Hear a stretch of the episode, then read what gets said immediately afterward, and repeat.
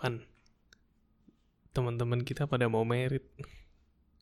Lu nggak mau merit, man. Kan umurnya udah deket. Waduh, jujur ya. Mau sih mau, deh. Tapi banyak tapinya nih. Pertama ya, duitnya belum ada. Terus yang kedua, gue juga masih sibuk sama hal-hal yang gue lakuin sekarang. Dan yang ketiga, yang paling utama, calonnya nggak ada. Gimana dong? Ya udahlah ya. ya nanti juga terjadi lah. Oke man, thank you. Ya itu pasti jadi topik pembicaraan yang lumayan sering lah ya di umur-umur segini. Uh, especially for the ladies, uh, di mana society udah menggambarkan jalan kehidupan yang begitu jelas. Uh, ini juga applicable buat para lelaki by the way, di mana kita mendapatkan guidelines atau petunjuk especially untuk hal marriage. Karena kita datang dari Indonesia yang very particular about this yaitu umur sekian adalah umur yang udah cocok untuk memulai keluarga baru.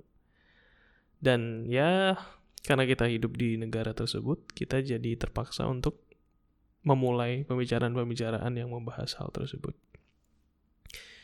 So, today's topic di mencari arah yaitu banyak sekali hal-hal yang kita lakuin di dunia ini adalah hal-hal yang berdasarkan dari inspirasi yang kita ambil dari orang-orang tertentu atau kejadian-kejadian tertentu. Kita punya inspirasi dari orang tua kita atau dari uh, role model yang merupakan public figure atau kita mendapatkan inspirasi dari cerita-cerita tentang orang-orang yang sudah menjalani hidup mereka. Sehingga kita merasa oh that's a good way of living. Mungkin kita bisa coba untuk menjalankan hal tersebut. Tapi along the way kita terlalu terpaku untuk mengikuti apa yang kita anggap adalah inspirasi tersebut, sehingga kita lupa untuk berhenti dan bertanya, kenapa kita mau hal itu tersebut? Kenapa kita mau menjalankan jalan cerita yang bukanlah merupakan jalan cerita kita? And that is a scary, scary prospect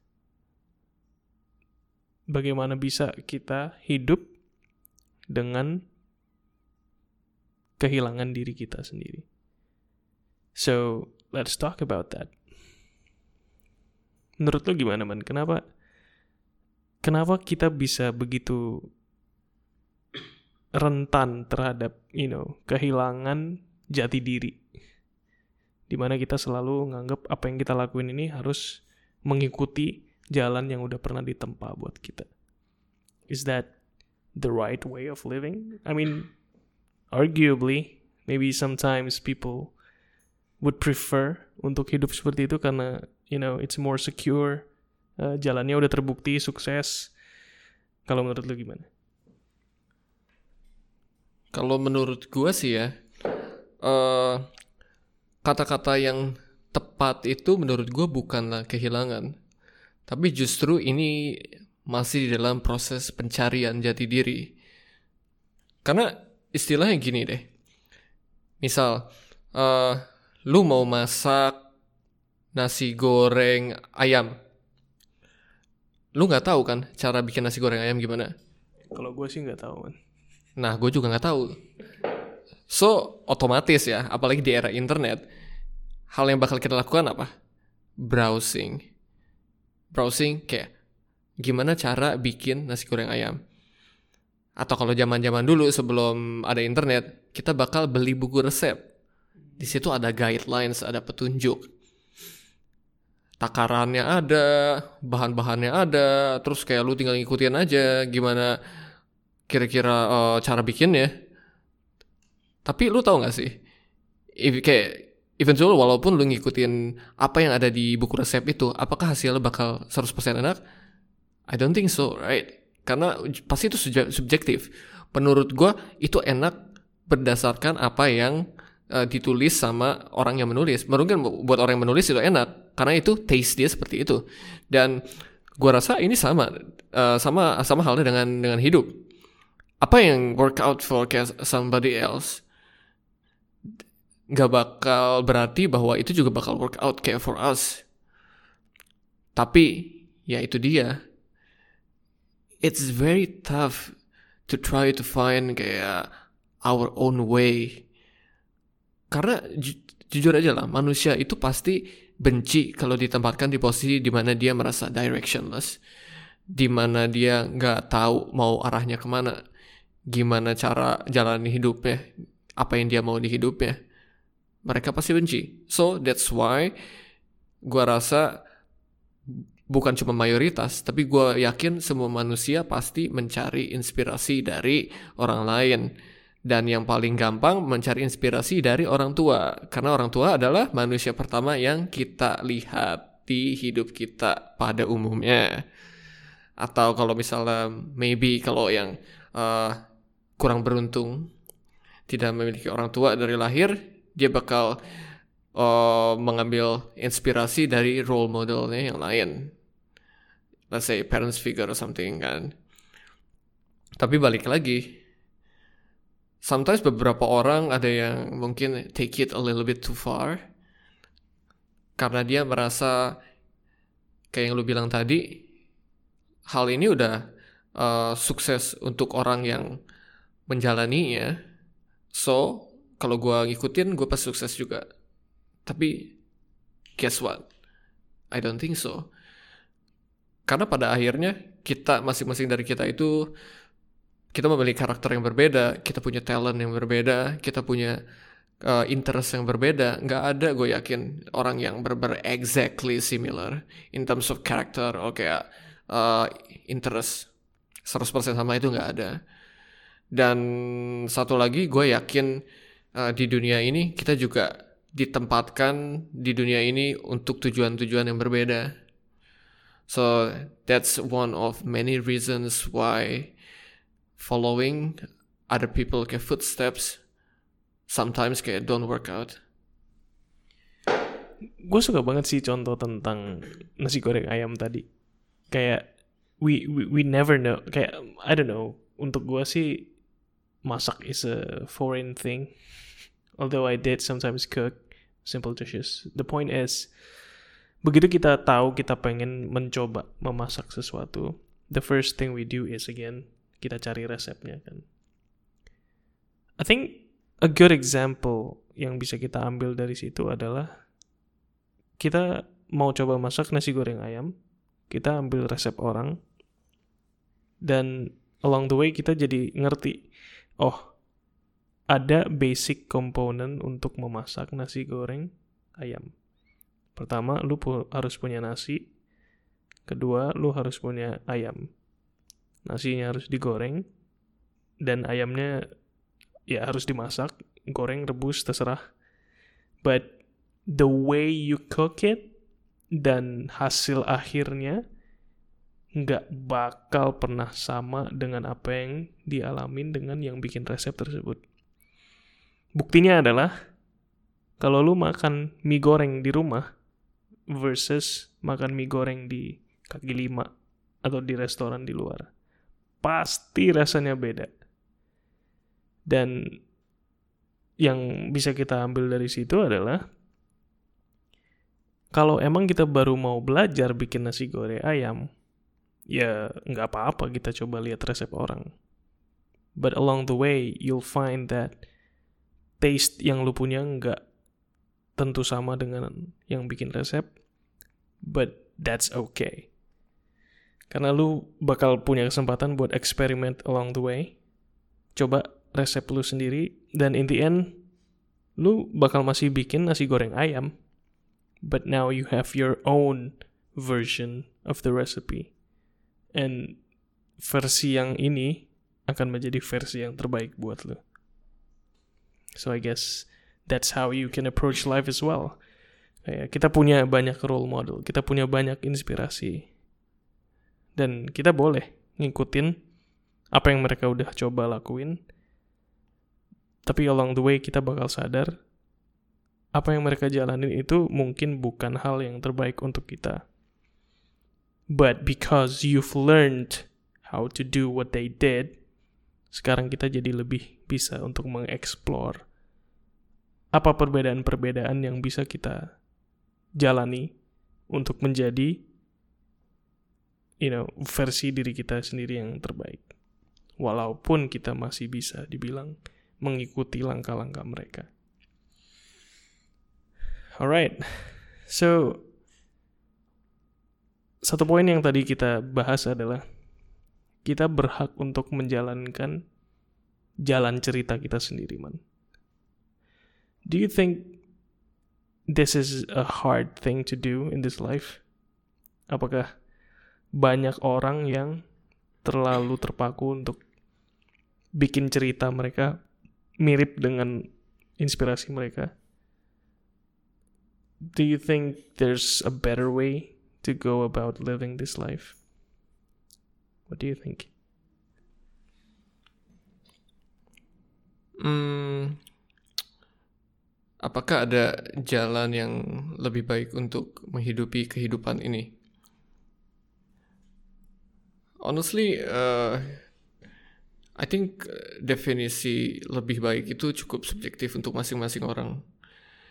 Tapi yang gue tahu kalau dari perspektif gue adalah jalan yang baik untuk menghidupi kehidupan ini adalah jalan yang kita ambil berdasarkan hati nurani kita, berdasarkan apa yang kita mampu lakukan dan apa yang kita suka lakukan.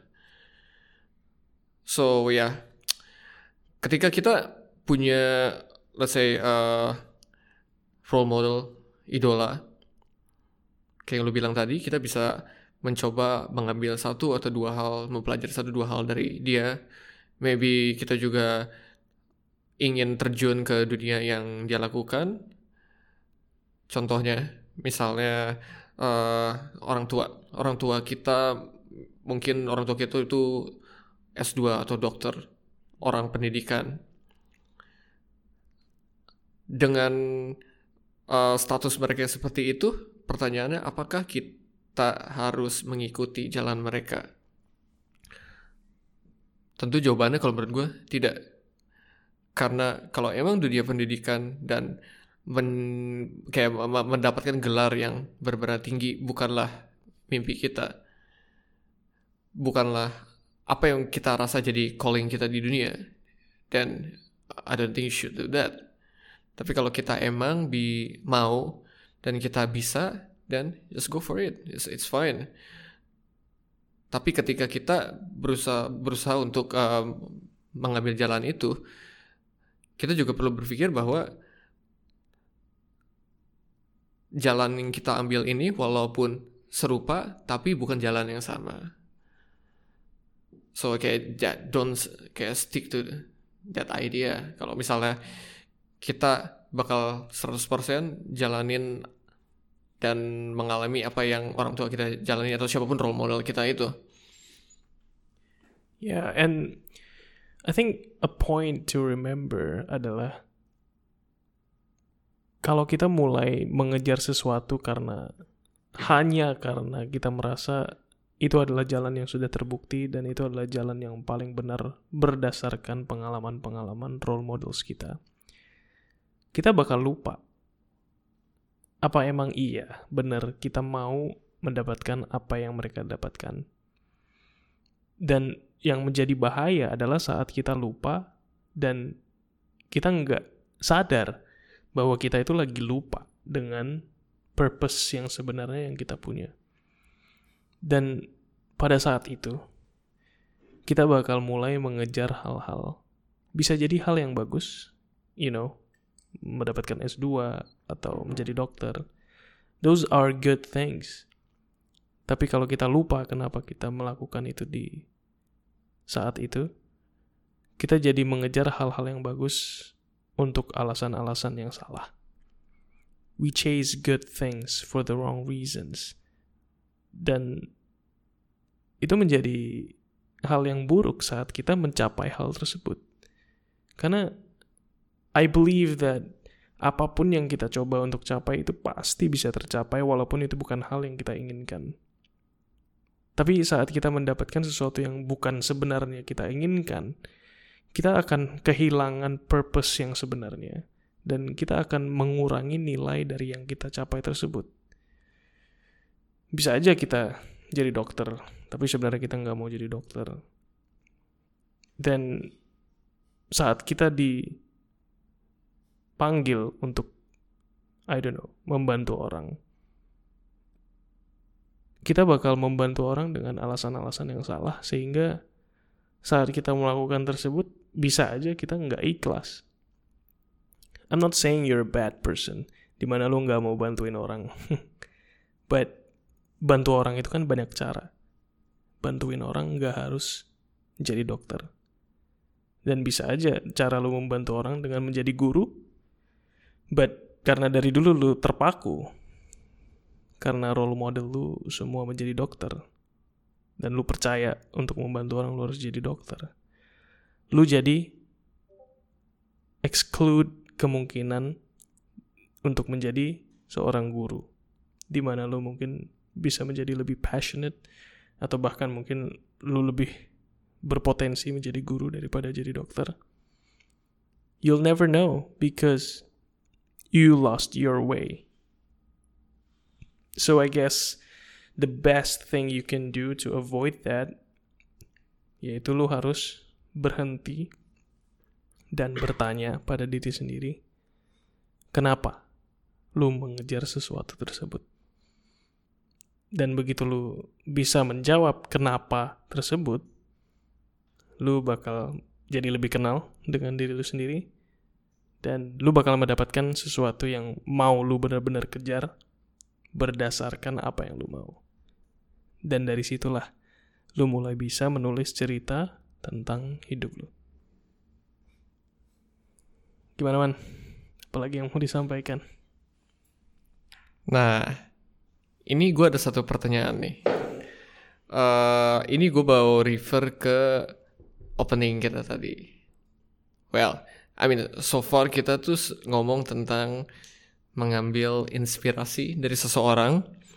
Tapi kalau kita lihat di opening line kita tadi, kita itu lebih mendisplay pressure, tekanan yang uh, atau social stigma, I guess. Dan you know kayak hal-hal kayak oh by the age of 25 you should get married and have kids. Atau mungkin oh women belong in the kitchen. Oh women should take care of kayak her kids. Atau misalnya jadi cowok itu nggak boleh emosional. So do you have anything to say about this? Oh yes. The only thing I have to say about this is literally semua yang ada di dunia ini yang berhubungan dengan emotion, yang berhubungan dengan cara kita hidup, itu semua adalah produk dari pikiran manusia. Dan manusia itu more often than not itu nggak harmoni, nggak harmonis dengan nature. Kita selalu pengen ada pedoman, kita selalu pengen ada aturan. Karena kita nggak suka yang namanya ketidakpastian. Dan karena itu kita bikin aturan-aturan kayak ya cowok nggak boleh emosional cewek harus cepet nikah kalau nggak ntar nggak laku dan cowok harus kerja harus mapan sebelum nikah karena lu harus hidupin istri dan anak lu. Kayak who made these rules kayak there's no point of origin. I mean obviously pasti ada orang yang mulai hal tersebut. But before that gimana cara kita hidup? Right? Of course, ada benefitnya kenapa kita bikin aturan-aturan tersebut. Mungkin dunia menjadi lebih terstruktur, jadi kita lebih gampang berkoordinasi sehingga kita nggak, you know, lebih gampang mati dari causes of nature. But sacrifice-nya adalah kita menjadi kehilangan kemampuan untuk explore hal-hal yang di luar dari norm. Karena again, society sangat memberikan tekanan terhadap orang-orang yang mencoba untuk berpaling dari hal-hal yang sudah menjadi semestinya. But again, untuk pertanyaan tadi man, the only thing I have to say is there are no rules dan semua rules yang pernah kita jalanin adalah hasil dari pikiran kita sendiri and that kita bisa break those rules without real consequences. Selama kita masih bertanggung jawab sebagai manusia yang beradab. Ya, jangan sampai kita bunuh orang, jangan sampai kita melukai orang lain. As long as we don't do those things, we should be free to do whatever we want. Karena being yourself uh, will take that sacrifice. And I think it's a worthy sacrifice untuk hal-hal yang bisa kita capai kalau kita menjadi diri kita sendiri yang sebenarnya. Mantap. sure, you know what? Uh, kadang kalau di posisi di di, di tempat di posisi seperti itu ya, uh, di tempat di posisi di mana uh, banyak orang yang ngejudge, let's say uh, life choices yang gue bikin, atau orang mulai kayak bilang, oh lu harus segini, lu kan udah umur segini, lu harus bla bla bla gitu. Gue selalu mikir dan bertanya ke diri gue uh, satu pertanyaan ini. Seandainya andaikan aja lah saya uh, dunia ini adalah sebuah cerita. Apakah gue lebih pilih menjadi slave-nya atau gue lebih pilih jadi hero ya? Dude honestly kayak to me is a very easy choice. I want to be the hero. Hero itu adalah orang yang mampu memutuskan untuk dirinya sendiri menurut gue hero itu adalah orang yang mampu membuat sesuatu, menghasilkan sesuatu yang baik untuk orang lain juga dan terutama untuk dirinya. So that's why ketika orang bertanya kayak gitu dan gue mikir, oh dude, kayak so this is my life. I'm kayak the hero in this story. I'm the owner of my life. So I will do whatever things I want to do because I know what's best for me. Dan gimana cara gue tahu apa yang terbaik buat gue? Adalah dengan gue bertanya satu pertanyaan lagi. Oh sorry, bukan satu, tapi dua pertanyaan. Yang pertama, apa yang bikin gue happy? Yang kedua, apa yang bikin gue kurang comfortable? Dan dari situ, gue tahu apa step yang harus gue lakukan dan apa step yang mau gue lakukan untuk gue. So far kayak setelah beberapa lama kayak menjalani hal itu, well, kalau gue bilang awal-awalnya pasti sulit, pasti susah banget buat kita ya, buat gue poin itu untuk ngikutin apa yang benar-benar gue inginkan. Karena ya pasti ada whisper dari orang-orang lain dan kita manusia yang eh, gue gue sebagai manusia yang punya feeling juga pasti merasa jadi ada try to kayak second guess my choice. Tapi lama-lama kelamaan setelah jalanin jalan-jalanin gue merasa kayak lebih beneficial buat gue so kayak lebih gue juga lebih comfortable jalanin hal itu. So I think setiap kali gue di, dihadapkan di posisi yang kayak quite similar lagi gue bakal okay, you can say whatever you want to say. I respect that, but at the same time, you also need to respect me. This is my life. Then I want to decide what's best for me. This is my own choice. And that is really hard to do. Karena kita sebagai manusia, makhluk sosial, kita selalu mencari-cari validasi dari orang-orang sekitar kita. Kita kita ingin diterima di society. Makanya dari kita kecil, I mean, you can probably remember the times when lu masih di SD dan lu selalu pengen belong ke grup yang ada di SD tersebut.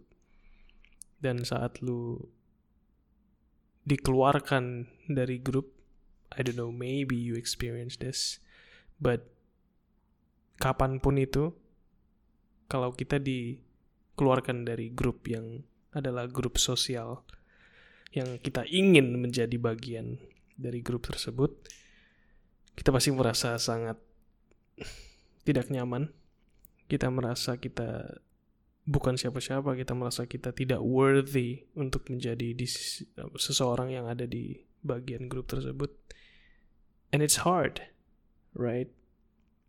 Tapi believe me, I'm pretty sure that at this point in your life, you will probably notice that walaupun lu bukan menjadi bagian dari grup mana pun, lu masih bisa menjalankan hidup lu dengan senang dan lu masih bisa memikirkan apa pun itu hal-hal yang membuat lu senang dan lu punya power untuk mencapai apa pun itu yang bikin lu senang. And that's all that really matters. That your life is yours and you are the only you. And so don't waste your time trying to be somebody else. Jangan buang waktu untuk menjalankan cerita orang lain dan mulailah dengan bertanya, apa sih yang gue mau?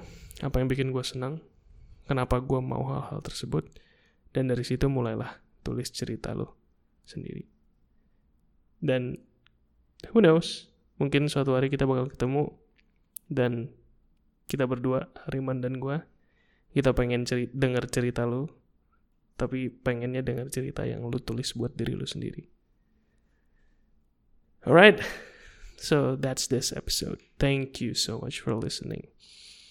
Hariman ada yang mau ditambah untuk terakhir?